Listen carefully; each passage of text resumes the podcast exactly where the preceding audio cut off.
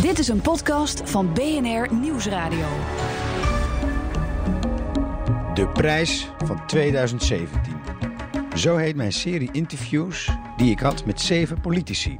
Allen deden ze mee aan de Tweede Kamerverkiezingen en dat leverde winnaars op en verliezers. De een won een prijs, de ander betaalde een prijs. Hoe ga je daarmee om? Hoe pak je de winst? Hoe verwerk je het verdriet?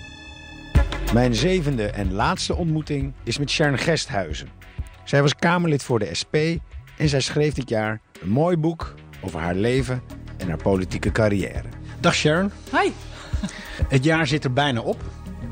Als je terugkijkt, heb je dan een prijs betaald of heb je een prijs gewonnen? Ik denk dat ik dit jaar beide heb gedaan. Dat ik, uh, ik heb letterlijk een prijs gewonnen uh, in september, omdat ik uh, enorm gelauwerd ben voor uh, ruim tien jaar Kamerwerk, de Prinsjesdagprijs, samen met twee andere oud-politica. En ik heb ook heel veel prijzen gewonnen, omdat ik mag terugkijken op een hele inspirerende en op een bepaalde manier ook bevredigende tijd in de politiek. Het, heeft wel, het heeft me geholpen om uh, mijn weg te vinden in, in de wereld. Heel persoonlijk. Um, maar tegelijkertijd, ja, niet alleen dit jaar, maar ook in de jaren daarvoor heb je, betaal je ook een hoge prijs. Zeker als je dingen moet leren, betaal je natuurlijk ook een hoge prijs. En wat voor prijs is dat die je dan moet betalen, wat jou betreft? Slapeloze nachten. het gevoel dat je eigenlijk altijd niet achter de feiten aanloopt, maar wel achter een enorme. dat je onder een enorme berg werk verdwijnt, die niet kleiner wordt. Hoe meer je doet als politica, hoe drukker het wordt. Uh, verwachtingen waar je niet aan kunt voldoen, zowel qua werk als ook uh, aan het thuisfront. Uh, en uh, ja, ook wel een ontluistering als het gaat om ehm, ja, hoe moet je dat zeggen? Om, om betrekkelijk naïeve gedachten die je kunt hebben over hoe mensen met elkaar omgaan. Oké. Wat was er zo naïef aan, aan het idee hoe mensen met elkaar omgaan toen je de Kamer inging? Ik neem aan dat dat ook een proces is geweest. Ja, nou, het heeft niet alleen met het Kamerwerk te maken. Het heeft ook gewoon met ouder worden te maken. Met echt volwassen worden te maken. Ik ben natuurlijk inmiddels gewoon vrouw van middelbare leeftijd, hè? 41. Ja. Midlife. niet meer heel piep. nee, dat is er wel Ach, af. Ja.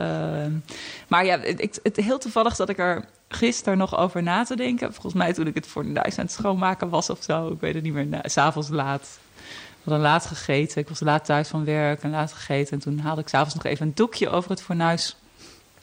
En toen dacht ik erover na dat... Uh, Weet je, je ziet zo vaak dat mensen echt lelijke dingen zeggen op bijvoorbeeld Facebook en Twitter over anderen. Mm -hmm. En soms zijn die dingen. Ik, eigenlijk kwam ik erop door, door het boek van Femke Halsema, wat ik nu aan het lezen ben, Plush. Ik ben eindelijk aan het lezen. De memoires van een collega. Precies, precies. Uh, die anderhalf jaar geleden zijn verschenen, maar ik was ook mijn eigen boek aan het schrijven. Dus ik wilde haar boek niet lezen voordat ik dat zelf had Ach, afgeschreven. Ja, want haar boek ligt daar en jouw boek ja, ligt voor mijn neus. inderdaad. Maar je was met een lapje het fornuis aan het Ja, inderdaad. En ik was op, op deze gedachtenstroom gedacht door iets wat ik bij Halsema had gelezen over harde oordelen. En toen dacht ik, ja, weet je, wij gaan er zo gemakkelijk van uit. Ook dat lees je ook vaak in de verontwaardiging op Twitter en zo. Als, als mensen zeggen van, hoe kun je zoiets zeggen? Wat naar, wat is het toch een, wat is het toch een harde cultuur? Wat is het toch een lelijk land?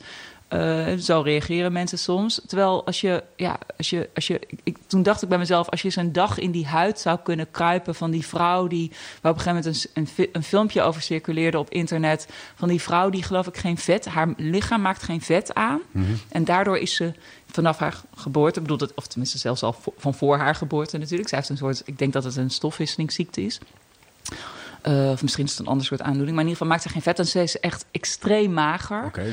En, er circule en zij is toch tegelijkertijd... Ze, ze hadden voorspeld dat zij maar heel kort zou leven. Maar tegelijkertijd is ze gewoon een volwassen vrouw geworden. En ook heel trots en sterk. Ik ken het filmpje niet. Oké, okay, nou ja... Het, als je haar googelt, dan kom je er zeker al tegen. Maar er circuleren ook filmpjes van haar met de titel erbij... Uh, The Ugliest Woman in the World.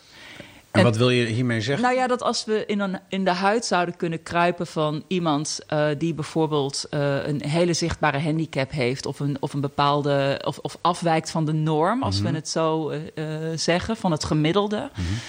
extreem afwijkt van het gemiddelde, dan denk ik dat je heel snel dat die naïviteit over hoe, we, hoe goed we nou echt als mensen in staat zijn om ook als het puntje bij het paaltje komt, om altijd met respect met elkaar om te gaan, dat je dat wel verliest. En ik denk dat ik die naïviteit niet alleen door de politiek, mm -hmm. maar juist ook wel door het af ouder worden uh, ben verloren.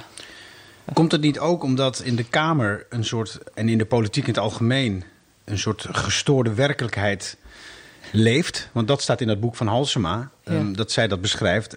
Je stapt vanuit een soort welwillende wereld in een gestoorde werkelijkheid. In een niet-realistische werkelijkheid waarin je heel hard wordt afgerekend. Want Kamerlid, want van de SP, want, uh, ja. Uh, nou ja, maakt een uitglijder tijdens de begroting. Ik weet het niet. Um, is, dat, is dat misschien ook wat je bedoelt? Dat, dat leven van een politicus zoveel harder uh, is en dat je harder wordt afgerekend. Als ik jouw boek lees, is dat in ieder geval, merk ik dat je daar in het begin wel erg aan moet wennen. Aan die harde cultuur, aan de harde manier van praten met elkaar en onderhandelen. Ja, dat klopt. Ik weet niet of ik. Ik, ik weet je, ik herken veel uh, in uh, wat jij nu beschrijft over wat Halsema zegt, wat Femke Halsema zegt. En tegelijkertijd, en dat is dan misschien een nuancering daarop, maar ook een nuancering op datgene wat ik in mijn. Van het beeld wat jij van, van mijn boek geeft. Mm -hmm. Ik denk tegelijkertijd dat die gestoorde werkelijkheid ook prima buiten de Kamer bestaat. Okay. Ik bedoel, daar hoef je echt niet de politiek voor in. Dus dan moet je eigenlijk te alle tijden bewapend zijn om die, om die harde wereld aan te kunnen. Ja, dat vraag ik me wel eens af. Als ik zo s'avonds over ja, straat loop. Maar geef het antwoord maar. Kom, want... Nou ja, kijk, ik, ik kom natuurlijk eigenlijk uit het oosten. Uh, uit, en daar is het echt wat gemoedelijker dan in het westen. Toen ik, uh, even kijken, hoe lang is dat geleden? Een jaar of 14, 15 geleden naar het westen verhuisde. Toen moest ik er echt wel aan wennen dat de mentaliteit hier anders is. Gehaaster. Meer een schiet op, we hebben haast, ga aan de kant mentaliteit. Mm -hmm.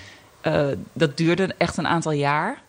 Uh, de boosheid die, die, ik voelde als mensen niet stopten bij een zebrapad bijvoorbeeld. Ik denk dat iedereen die in Amsterdam kent, woont, dat gevoel kent van ja. mensen die er nog van uitgaan dat mensen dat ook echt altijd doen. Veeg uit de pan, ja. Ja, precies. En dat, dat, uh, ja, dat hardere uh, van joh, uh, ik doe gewoon wat ik doe. En uh, als je daar last van hebt, nou ja, uh, dat is jouw probleem. Dat is wel een, een mentaliteit waar ik heel graag aan heb moeten wennen. Maar draag je daardoor ook in, in ja, overdrachtelijke zin, heb je je bewapend? Ja, ja. en daar vra dat vraag ik me dus nog steeds wel eens af als ik nou s'avonds over straat loop. En er komt iemand aan met een vrij grote hond die die aan een lange lijn heeft en die hond die kan mij op ieder moment bespringen of wat dan ook, dan mm -hmm. denk ik wel van oké, okay, moet ik een soort van klaarstaan om, uh, om te vluchten of om me te verweren of uh, wat, wat moet ik doen? Dat is letterlijk. Ja, heel, maar goed, weet je, ik gebruik ook een letterlijk voorbeeld omdat het dat lekker plastisch maakt. Maar je, maar je voelt het figuurlijk. Je voelt dus eigenlijk altijd een beetje die, die, die angst van uh, straks valt, valt iemand me aan. Nee, niet altijd gelukkig. Nee. Ik bedoel, dat, dat is Maar in je boek, wat want sommige... die haal ik er nu bij, want dat is ja. dit jaar verschenen. Ja. Dat is vind ik ook wel een prijs die je hebt gewonnen. Ik uh, bedoel, dat lever je zomaar af. Um, in het boek staat wel heel erg vaak, en ik heb het ook uh, ezelsoortjes uh, uh, gemaakt, van dat je je angstig voelt. niet op mijn gemak staat hier. Mm -hmm. Um, dan gaan we naar de kunstacademie. Um, ik had moeite om een draai te vinden. Mm -hmm. dan, dan kom je in een omgeving van de kunstacademie. Je gaat naar de omgeving van de kamer. En je vindt het moeilijk. Je voelt je niet snel op je gemak. Mm -hmm. Maar je wil heel graag wel bij zo'n club horen je wil graag wel met die ontwapende um, openheid die je hebt, had, wil je het liefst wel je op je gemak voelen. Ja, ik denk dat ik in eerste instantie uh, weinig obstakels zag. In alles waar ik uh, uh, misschien toen ik heel jong was onbevangen en later niet onbevangen, maar met een, een sterke motivatie aan begon. Ja. Dus dan, dan denk je wat minder na over de hobbels. En ik denk eigenlijk dat dat in eerste instantie ook een hele gezonde houding is. Weet je, ik bedoel, als je je leven leeft uh, en je bent nog heel jong en je denkt dan vooral alleen maar aan de beren die je op de weg ziet, ja, dan ga je nooit die wereldreis maken en dan durf je nooit een opleiding te doen waarvan je echt denkt: dit is wat ik heel graag wil, dus ik ga het doen. Dat klopt. Al vind ik wel dat in jouw beginperiode, dat je ook in Nijmegen volgens mij in de, in de barretjes en kroegen werkt, dat je best wel een redelijke uh, te, te neergeslagen indruk maakt. Ja, ik was ook echt helemaal niet gelukkig toen ik aan de universiteit studeerde. Nee, maar uh, nu zie je er een stuk gelukkiger uit. En, en, maar je uh, weet niet hoe ik er toen uitzag. nee. Nee, maar je hebt het wel goed beschreven. Dat je onder een brug aan de Waal zat. Ja. En, en dat je wel eens in een hoog gebouw zat en dat je dacht van als ik spring dan is het voorbij. Ja. Dus dat vond ik echt wel, het staat erin, hartstikke eerlijk. Ehm, maar is dat niet een, een, een soort van gevolg van jouw onbevangen, uh, naïeve levenshouding? Nee, ik denk dat het bij de jeugd, die- maar- de- ik denk dat, het, dat dit eh, growing pains waren. En moeite om je weg te vinden. En dat past denk ik ook wel bij wat jij... ehm, de, de, de paar fragmenten die jij aanhaalde van verschillende situaties... in verschillende omgevingen... waarin ik aangeef hoe vind ik mijn plek. Ja, En ehm, ja, om daar direct iets tegenover te zeggen. Je zegt van ja, je, je wil er graag bij horen. Ik denk dat dat een soort. ehm, dat is een misvatting. Ik denk dat ik, ju- dat ik er helemaal niet per se graag bij wil horen. Maar ik denk dat ik wel graag iets wil doen. En daarvoor moet je je soms conformeren. En moet je so- er soms bij horen. Anders kun je dat ook niet doen. En als in die groep dan één persoon, Jan Marijnis in dit geval, want je, je noemt hem heel vaak, een hele dominante rol inneemt, dan was jouw eerste reactie eh, dat je daar wel eh, voor sidderde. Ik denk dat ik vooral bang ben geweest voor de, voor de groepsdynamiek. Dus als je. eh, kijk, een eenling is niemand. Het gaat erom dat je. eh, dat, dat als er veel mensen zijn die het per definitie met zo iemand eens zijn, dan vind je dus niet alleen, volgens mij heb ik dat ook letterlijk zo opgeschreven, vind je niet alleen die ene leider tegenover je, maar, maar de groep. Mhm. En dat is, weet je, dat is bijna een soort dierlijk instinct om daar de lone wolf in te zijn. En dat is beangstigend, denk ik. Hoe uitte zich dat? Ik kreeg een burn-out. Ja. Ja. Jij kreeg een burn-out. Je kwam wel weer terug. Jan Marijnissen was er toen nog steeds. Hoe heb je dat toen? Hoe is die verhouding toen eh, verbeterd of veranderd? Die is vrij snel ruzieachtig geworden. Kwam het omdat jij eigenlijk toen zei van. eh, Ik pik het niet meer.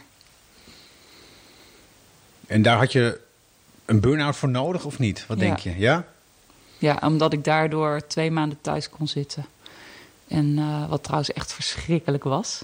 Als je een ik denk dat iedereen die een beetje arbeidsethos heeft, die echt denkt: oh, als je dan, weet je, die eerste. Kijk, als je gewoon vakantie krijgt, dan is het natuurlijk een paar weken heel erg lekker. Maar als je graag wil werken, en je krijgt natuurlijk een burn-out omdat je te graag wilt werken. Ehm, als je dan een paar weken gedwongen thuis zit, dan voel je je zo. Ik voelde me zo verschrikkelijk lamlendig en nietsnut. En ik had toen een, een goede vriendin die kwam eh, een paar keer langs.